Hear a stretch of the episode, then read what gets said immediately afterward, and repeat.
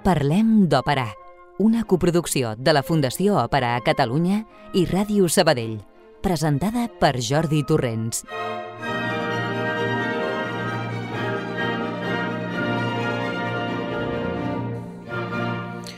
Benvolgudes i benvolguts, que ha? Un dijous més truquem a les vostres portes per demanar-vos si podem entrar a fer-vos gaudir d'una horeta de música i d'històries d'òpera.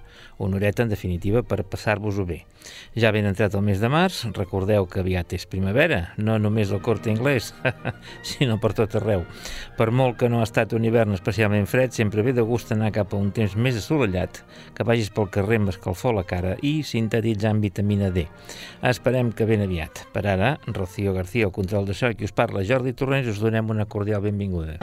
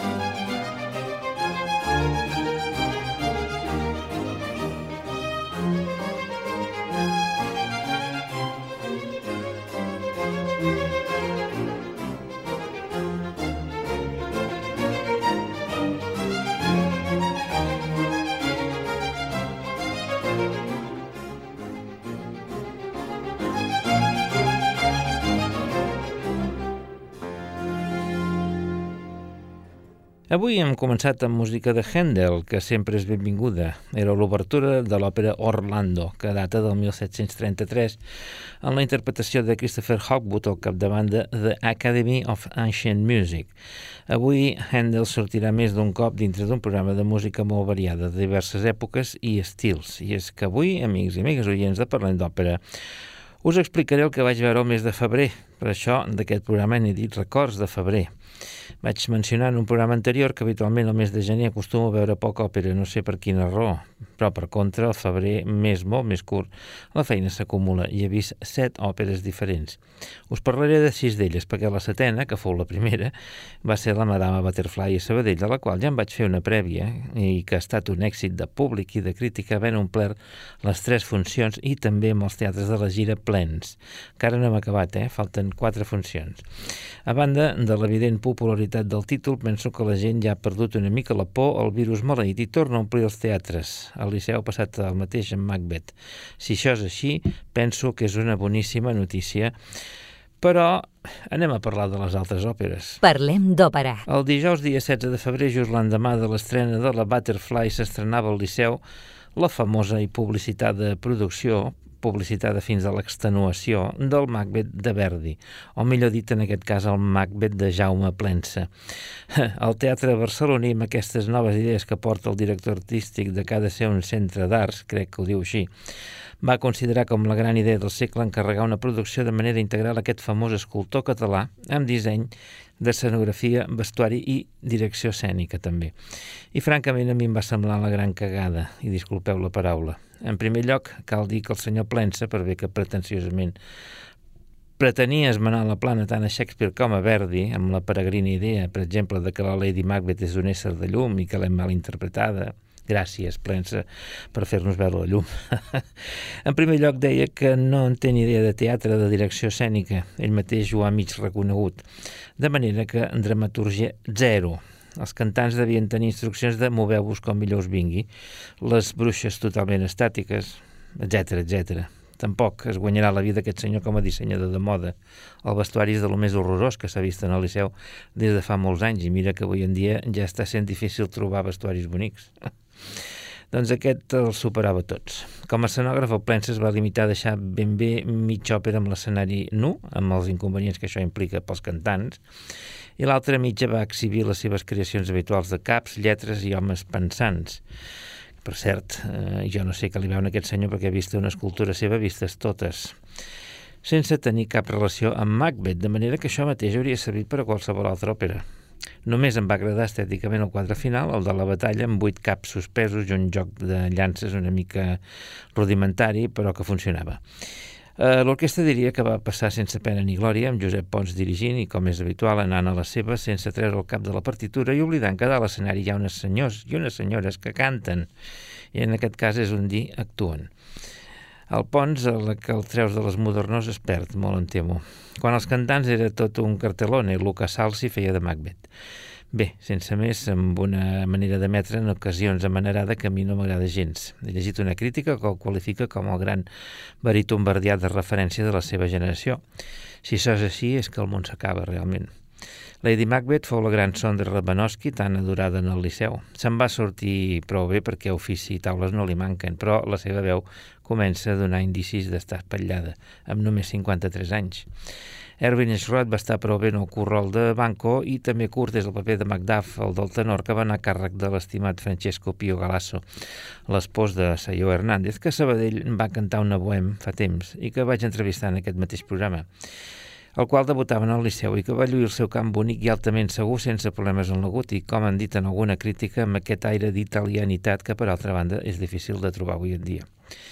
Bé, com diuen en castellà, para este viaje no hacían falta estas alforjas, o dit en català, una presa de pèl. Aplaudida per gent que la propaganda havia convençut, però eh, també bufada per molts, amb, en la meva opinió, molt més bon criteri. Sentim l'àrea de Macbeth, Pietà, Rispetto, Amore, amb Renato Brusson i l'orquestra de la Deutsche Oper, dirigida per Giuseppe Sinopoli. Com me'n vaig en recordar de Brusson mentre, mentre ho veia, mare meva.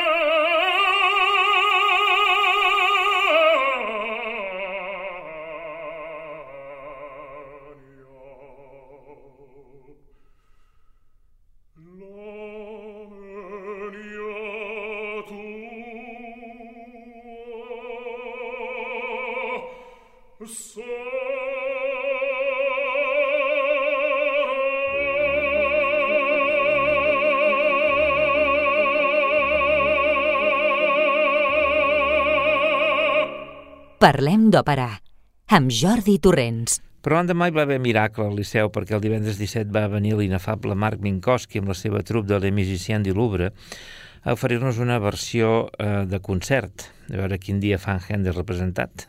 Funció única del Xina, que en la meva opinió és una de les millors òperes del compositor anglo-alemany, estrenada a Covent Garden el 1735 i que es basa en el famós poema èpic Orlando Furioso de Ludovico Ariosto. Una versió sense talls, amb tots els de capo, i fins i tot un ballet només tocat, que es va allargar unes 4 hores, però 4 hores de festa perquè el repartiment era de pur luxe. Magdalena Cosena era el Xina, Anna Bonitatibus Ruggero, Elizabeth Deschamps eh, Bradamante, Erin Morley Morgana, Valerio Contaldo Oronte, Alex Rosen Melisso i el rol d'Oberto van a càrrec de la soprano de la casa Mercedes Gancedo corrents i de pressa perquè el contratenor que l'havia de cantar es va posar malalt. Minkowski, deixant a banda els desgraciats Mossos de la temporada passada, és un gran director i sap el que es porta entre mans en el repertori que li escau i amb els seus musiciens, ja sigui barroc o ja sigui Offenbach, per exemple, com recentment li he vist a París amb la Perichol. La Bonitat i Vos, una mezzocadoro, va dedicar la seva interpretació de la famosa ària Verdi Prati a Teresa Berganza, probablement el millor Ruggero de les darreres dècades. Un rol que en la seva estrena va anar a càrrec del cèlebre castrat Carestini, tot dient en acabar i en mirar cap amunt, suposo que el cel, gràcies, Teresa. Haig de dir, però, que en aquesta àrea no em va acabar de convèncer pels envelliments, que per mi no calen, i perquè la va cantar gairebé xiu-xiuejant. Però bé, no passa res. Sentim una petita àrea de Ruggero, eh, amb la Berganza, i és de l'acte primer, Dite mi rido semplice stolto, amb la London Symphony Orchestra dirigida per Richard Boninch.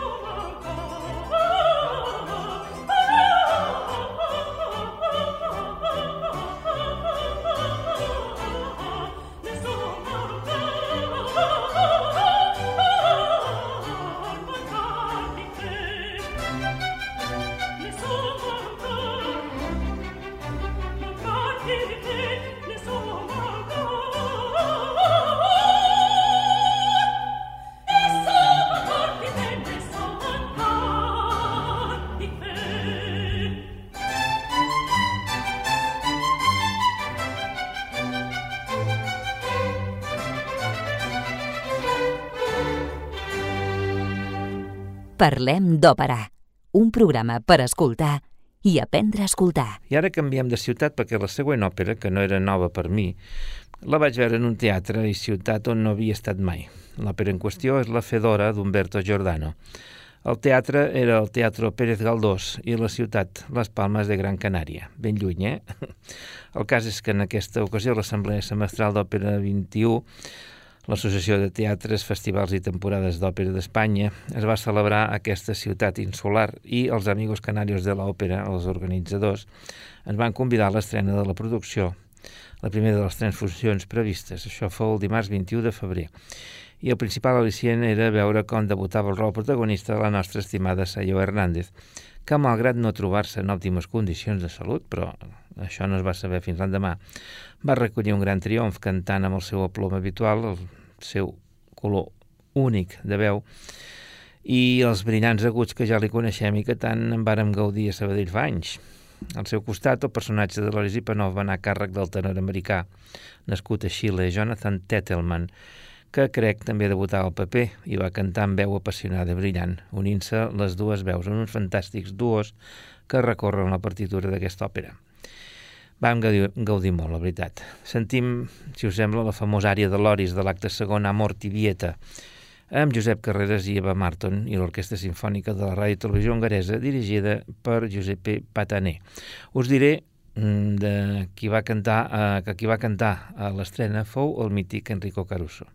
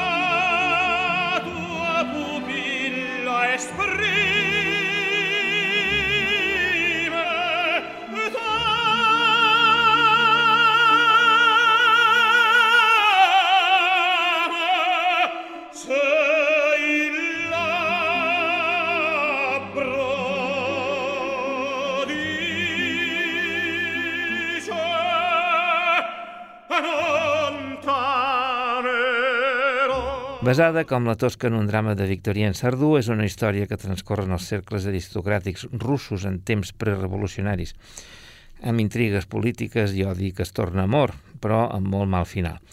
L'orquestra dirigida per Francesco Ivan Champa va sonar prou bé. El cor desafinava força i la producció de tan mm, eh, clàssica vorejava l'urranci.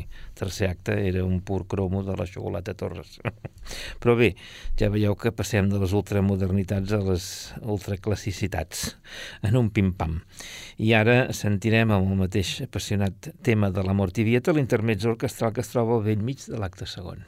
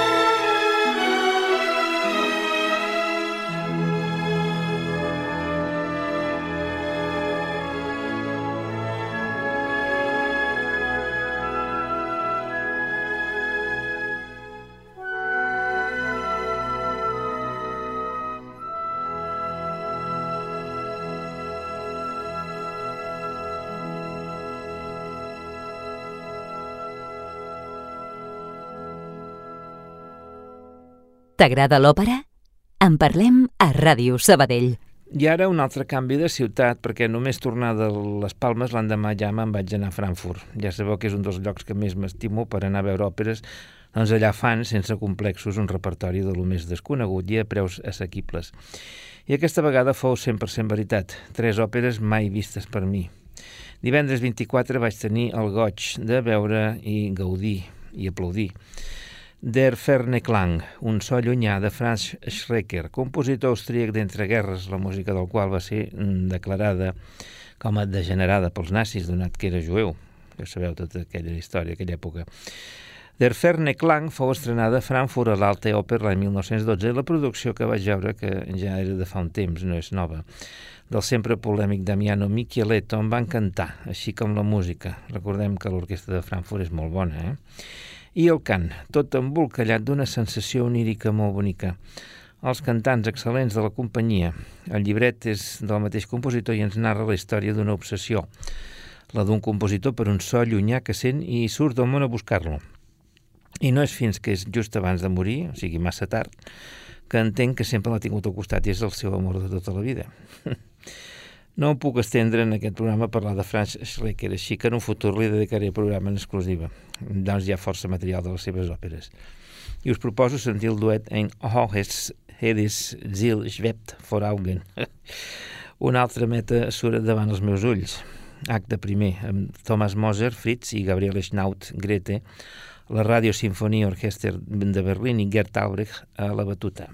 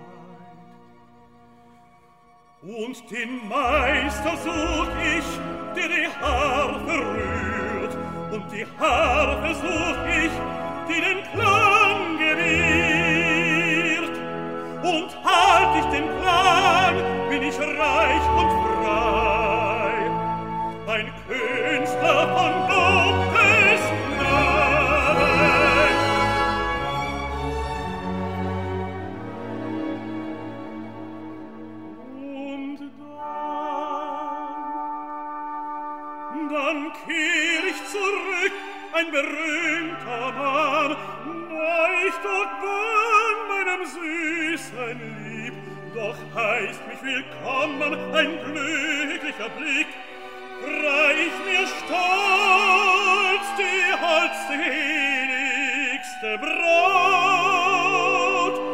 Und leg ihr zu Füßen Reichtum und Ruhm.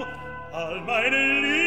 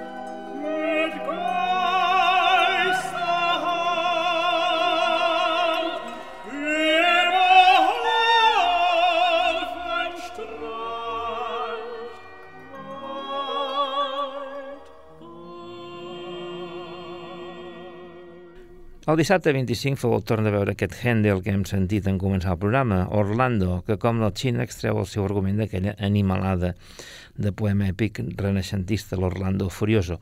Furioso perquè el tal Orlando està ben tocat del bolet i això és el que veiem en aquesta òpera, d'argument enrebaçat, en què per amor perd la xaveta fins que de sobte la recupera, gràcies als bons oficis del mag Zoroastro, i tot acaba bé com sol passar en aquestes òperes del 18. Aquesta es va estrenar al gener de 1733 en el King's Theatre Haymarket de Londres amb el castrat Senesino en el rol principal, sent més de dos anys anterior a l'Alxina. La producció de Frankfurt, nova d'aquesta temporada, era molt simple, amb quatre grans panells blancs translúcids que es disposaven en angles rectes, creant quatre compartiments per on s'anaven movent els personatges, que són només cinc, i quatre ballarins que omplien l'escena, perquè aquestes òperes de Handel, almenys la majoria, la veritat és que tenen poca acció escènica. Vaja, que serien ideals pel plensa. L'estructura escènica era més giratòria i sobre els panells es projectaven ombres que representaven fulles, arbres i vegetació en general, creant una agradable i versemblant sensació de que estava al mig de la natura els cantants de la companyia i tots d'alt nivell amb una línia de cant delicada i expressiva, tal com s'escau un Handel. Només un, el destacat contratenor americà Christopher Lowry, que feia el personatge de Medoro i que l'any passat va protagonitzar el Giulio Cesare en el Palau en concert, venia de fora i haig de dir que em va emocionar amb la seva interpretació de la preciosa àrea de l'acte segon, Verdi al Lori, per mi la més bonica d'una òpera que n'està plena d'àrees boniques. Ja sabeu, aquella bellesa que només Handel sap crear que et mantenen en èxtasi pendent d'un fil. Sentim-la? Doncs va. La canta en aquesta ocasió Catherine Robin amb l'Academy of Ancient Music, dirigida per Christopher Hogwood.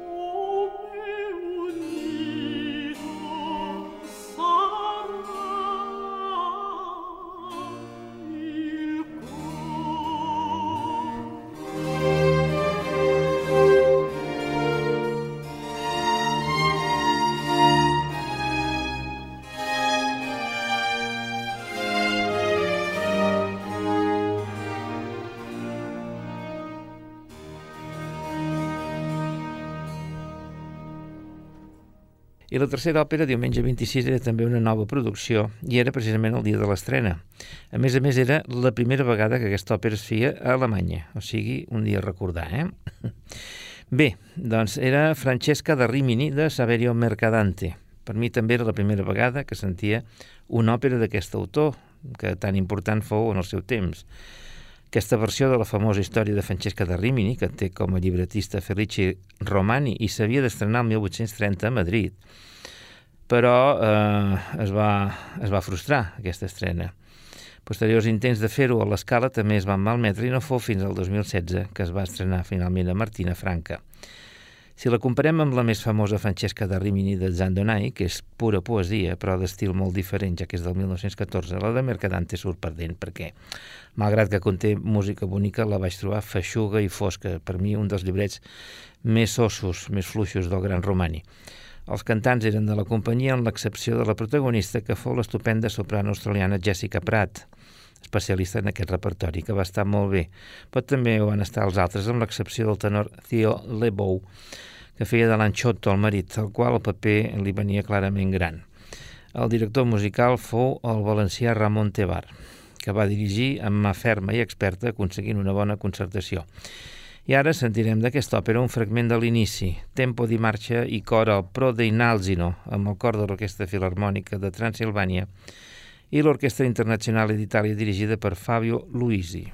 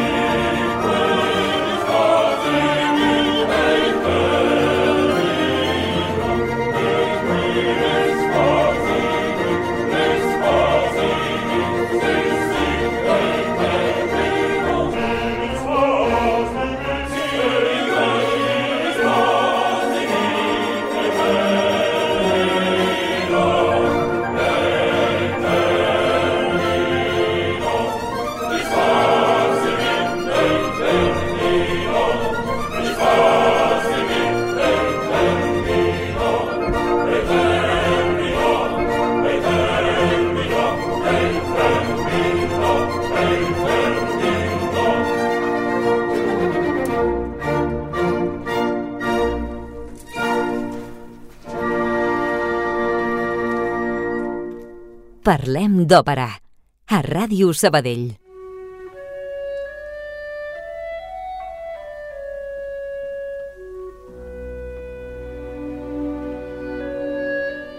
Els records són de febrer, però avui toca presentar els personatges de març 2023.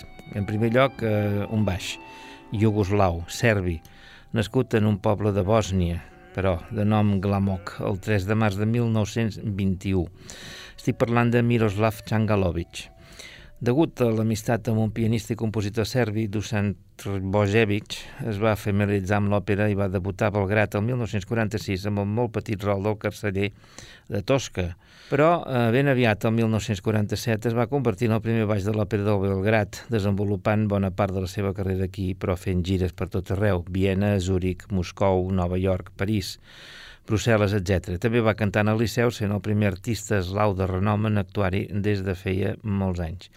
Va debutar en el Teatre de les Rambles el 29 de desembre de 1959 amb Boris Godunov i tornaria el 1961 amb el príncep Igor i Kovanchina i el 1962 amb Don Quixot de Massenet i va tornar finalment el 1972 per la gala lírica famosa que va ser l'homenatge a Joan Antoni Pàmies.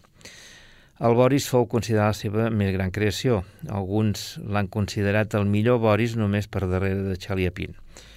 A banda d'òpera russa, també tenia el repertori com el Don Carlo, Faust, Don Quixot, com ja hem dit, les noces de Figaro, etc. Era també molt actiu en concert. I ho fou durant 40 anys.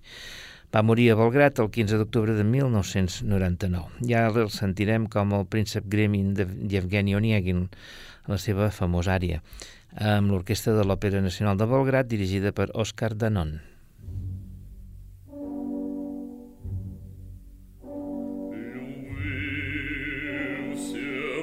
возрасты покорны,